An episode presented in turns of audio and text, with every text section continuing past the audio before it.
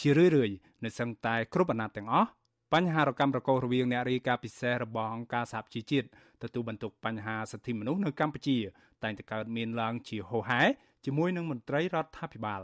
មានពេលខ្លះរដ្ឋាភិបាលរបស់លោកនាយរដ្ឋមន្ត្រីហ៊ុនសែនថែមទាំងចង់បណ្ដេញចេញមិនស្វាគមន៍អ្នករាយការណ៍ពិសេសទាំងនោះដែលហៅពួកគេថាជាអ្នកទេសចរតាមរដូវកាល ឬក៏ថែមទាំងឈានទៅគម្រាមបិទចោលការិយាល័យឧត្តមស្នងការរបស់អង្គការសហជីវជាតិទទួលបន្ទុកផ្នែកសិទ្ធិមនុស្សឲ្យលែងមានស្រមោលនៅកម្ពុជាទៀតផង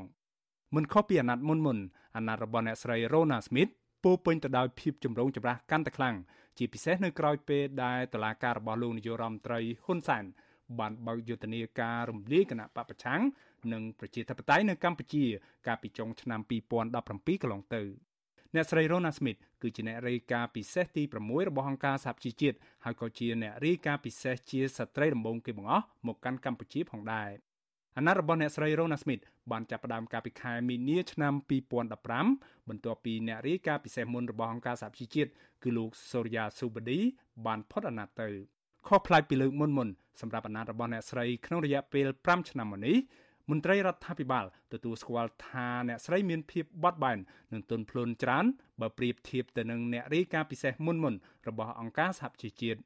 ក៏ប៉ុន្តែយ៉ាងណាអ្នកនាំពាក្យគណៈកម្មាធិការសិទ្ធិមនុស្សរបស់រដ្ឋាភិបាលលោកកតាអូនចោទថារបាយការណ៍របស់អ្នកស្រី មានភាពលំអៀងនិងមិនឆ្លុះបញ្ចាំងពីការពិតនៅកម្ពុជា ប៉ុន្តែអ្វីដែលជាការកត់សម្គាល់គឺថាក្នុងរបាយការណ៍ដែលលោកស្រីរាយការណ៍ទៅអង្គការសហជាតិគឺលោកស្រីសំអាងជាខ្លាំងទៅលើរបាយការណ៍របស់ក្រុមអង្គការសង្គមស៊ីវិលនិងបកប្រឆាំងដែលមាននិន្នាការប្រឆាំងនឹងរដ្ឋាភិបាលដែលធ្វើឲ្យការវិតម្លៃនេះមានភាពលំអៀងមិនត្រឹមត្រូវនឹងប្រមាណឆ្លោះនៅការពិតអំពីបញ្ហាសិទ្ធិនៅកម្ពុជាគ្រប់ករណីទេហើយយើងខ្ញុំក៏មានការសោកស្ដាយខ្លះដែរចំពោះបញ្ហាទាំងអស់នេះក្រមអ្នកការពារសិទ្ធិមនុស្ស មិនយល់ស្របទៅនឹងការចោទប្រកាន់របស់មន្ត្រីសិទ្ធិមនុស្សរបស់រដ្ឋាភិបាលទៅលើអ្នកស្រី Rona Smith បែបនេះនោះទេ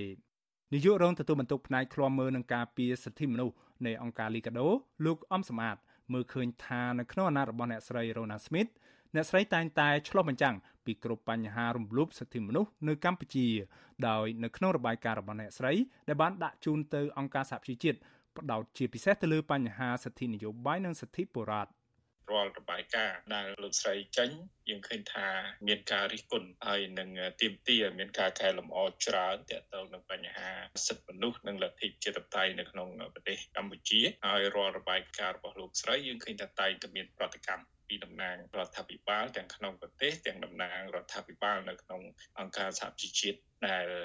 មានប្រតិកម្មហើយបដិសេធនៅរបាយការណ៍របស់លោកស្រីណាអញ្ចឹងបានន័យថារបាយការណ៍លោកស្រីនេះគឺខ្លាំងហើយបង្ហាញអំពីភាពអវិជ្ជមានឬក៏ភាពធ្លាក់ចុះនៃស្ថានភាពសិទ្ធិមនុស្សនៅកម្ពុជាហើយនឹងលោកស្រីបានដាក់ជូន ក្រុមប្រឹក្សាសិទ្ធិមនុស្សហើយនឹងរាយការណ៍បន្ថែមទៀតហើយនៅក្នុងហ្នឹងក៏យើងឃើញមានបណ្ដាប្រទេសផ្សេងជាច្រើនដែរដែលគ្រប់គ្រងទៅលើរបាយការណ៍របស់លោកស្រី Rona Smith ការជំរុញឲ្យមានការកែលម្អនិងស្ដារឡើងវិញនៅសិទ្ធិមនុស្សនៅកម្ពុជានេះត្រូវអ្នកជំនាញសិទ្ធិការងារនិងជានាយកប្រតិបត្តិនៃអង្គការសង្ត្រាល់លោកមឿនដុល្លារយល់ថាការពីដំបូងឡើយអ្នកស្រី Rona Smith ចង់ប្រើវិធីសាស្ត្រមួយដែលទន់ភ្លន់ដើម្បីឲ្យរដ្ឋាភិបាលទទួលយកសំណើឬអនុសាសន៍នានារបស់អ្នកស្រី ដែលអ្នកស្រីធ្លាប់មានអតីតភាពជាសាស្ត្រាចារ្យមួយរូបបង្រៀននៅមហាវិទ្យាល័យនៅកម្ពុជាក៏ប៉ុន្តែលោកថាវិធីសាស្ត្ររបស់អ្នកស្រី Rona Smith នេះពុំមានប្រសិទ្ធភាពនោះទេហើយរដ្ឋាភិបាលនៅតែបន្តរំលោភសិទ្ធិមនុស្សនៅកម្ពុជាដដែលខ្ញុំគិតថាមេរៀនរបស់អ្នកស្រី Rona Smith ក៏ដូចជាអ្នករាយការណ៍ពិសេសរបស់អង្គការសហជាតិផ្សេងៗទៀតដែរគឺมันខុសគ្នាទេ នៅពេលដែលរឿងសម្រាប់ខ្ញុំការមើលឃើញមកខ្ញុំផ្ទាល់បើសិនជាចង់ឲ្យ រដ្ឋាភិបាលកម្ពុជាគាត់សប្បាយចិត្តតតែ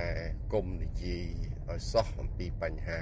អវិជ្ជមានឬមួយក៏អ្វីដែលជាអាកង្វះខាតរបស់រដ្ឋាភិបាលហ្នឹងឬក៏កង្វះខាតរបស់ការដឹកនាំប្រទេសហ្នឹងនិយាយឲ្យខ្លីទៅគឺថាគុំនិយាយរឿងពិតពាក់ព័ន្ធនឹងការគោរពសិទ្ធិនោះពាក់ព័ន្ធនឹងជាតៃសិទ្ធិពលរដ្ឋសិទ្ធិនយោបាយអីឡាក់ឡាក់ហ្នឹងនៅប្រទេសកម្ពុជាហ្នឹងបើសិនជាអត់និយាយគឺអាចកសាងតំណែងល្អហើយ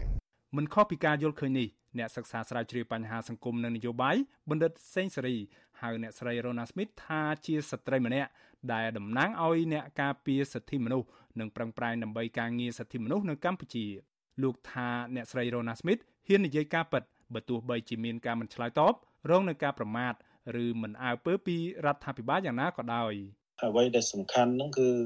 កិច្ចខិតខំប្រឹងប្រែងរបស់អ្នកស្រី Ronald Smith ហ្នឹងគឺព្យាយាមធ្វើម៉េចឲ្យមានការសម្របសម្រួលទៅលើការគោរពសិទ្ធិមនុស្សហ្នឹងឲ្យបានប្រសើរឡើងហើយក៏ប៉ុន្តែទោះបីយ៉ាងណាក៏ដោយគាត់មកទទួលបន្ទុកកិច្ចការងារហ្នឹងអំឡុងពេលដែលកម្ពុជាហ្នឹងមានវិបត្តិធ្ងន់ធ្ងរគឺអំឡុងពេលដែលគណៈបព្វឆាំងដែលធំជាងគេនៅកម្ពុជាហ្នឹងត្រូវបានរំលាយនៅក្នុងឆ្នាំ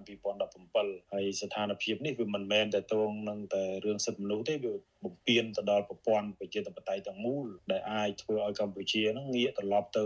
ដំណើរប្រវត្តិសាស្ត្រពីខាងដើមវិញណាតកតងទៅនឹងការខ្វែងគំនិតគ្នាលើវិស័យសិទ្ធិមនុស្សរវាងរដ្ឋាភិបាលនិងអ្នករាយការណ៍ពិសេសរបស់អង្គការសហជីវជាតិស្ដីពីបញ្ហាសិទ្ធិមនុស្សនៅកម្ពុជានេះ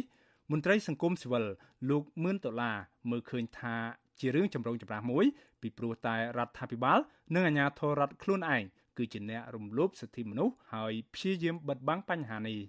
ជារឿងមួយដែលពិបាកណាស់ពិបាកនឹងរកចំណុចកដារួមចំណុចរួមមួយព្រោះតែសម្របប៉ុន្តែទោះបីការនិយាយរបស់គាត់នឹងវាខុសទៅលើចិត្តរបស់អ្នកដែលរំលោភសិទ្ធិមនុស្សនឹងក៏ដោយ ខ្ញុំថាវាជារឿងមួយដែលមិនអាចផ្គប់ចិត្តបានទេព្រោះការរំលោភសិទ្ធិមនុស្សនេះមិនមែនអ្នកផ្សេងទៅរំលោភទេគឺអាជ្ញាធររដ្ឋនឹងឯងដែលជាអ្នករំលោភណាគឺអាជ្ញាធររដ្ឋរំលោភច្បាប់ខ្លួនឯងឬមួយក៏អាជ្ញាធររដ្ឋមិនបានចាត់វិធានការអីមួយទោះតែសោះទៅលើការរំលោភសិទ្ធិអីផ្សេងផ្សេងអាហ្នឹងគេចាត់ទុកថាជាការរំលោភសិទ្ធិមនុស្សឯងក្នុងអាណត្តិរបស់អ្នកស្រីនៅកម្ពុជា រយៈពេល5ឆ្នាំមកនេះក្រៅពីបញ្ហាសិទ្ធិមនុស្សនិងសិទ្ធិពលរដ្ឋ អ្នកស្រី Rona Smith ក៏ផ្ដោតការងារលើការកែតម្រង់វិស័យយុតិធធវិស័យសិទ្ធិដីធ្លីសិទ្ធិការងារនិងសិទ្ធិបរិស្ថានជាដើម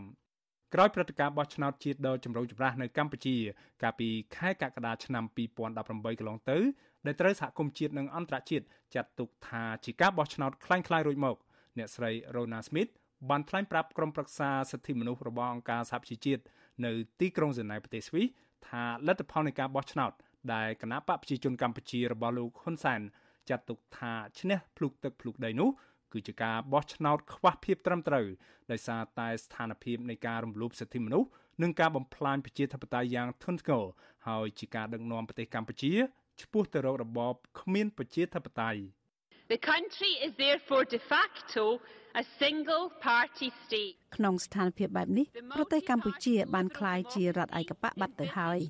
គោលការណ៍ប្រជាធិបតេយ្យសេរីពហុបកដែលមានចែងក្នុងរដ្ឋធម្មនុញ្ញកម្ពុជាត្រូវគេបំភ្លេចចោលពីឥឡូវនេះរហូតយ៉ាងតិច5ឆ្នាំទៅមុខទៀតដែលស្មើនឹងរយៈពេលមួយអាណត្តិរបស់រដ្ឋសភាថ្មីនេះការបោះឆ្នោតឆ្នាំ2018កន្លងទៅនេះគឺជាការបោះឆ្នោតដែលងាកចាកឆ្ងាយចេញពីគន្លងនៃប្រជាធិបតេយ្យ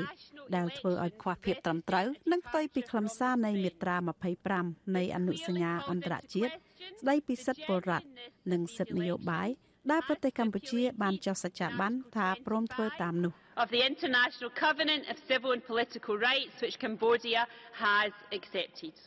ការបោះឆ្នោតដែលអ្នកស្រី Rona Smith ចាត់ទុកថាខ្វះភាពត្រឹមត្រូវនិងគ្មានប្រជាធិបតេយ្យនេះ ទំនងជាអ្វីដែលពលរដ្ឋខ្មែរគ្រប់រូបអាចចងចាំបានខ្លាំងជាងគេនិងមិនអាចបំភ្លេចបាន ថាគឺជាកេរដំណែលរបស់អ្នកស្រី Rona Smith បំពេញការងារផ្នែកសិទ្ធិមនុស្សនៅកម្ពុជាក្នុងរយៈពេល5ឆ្នាំកន្លងទៅនេះ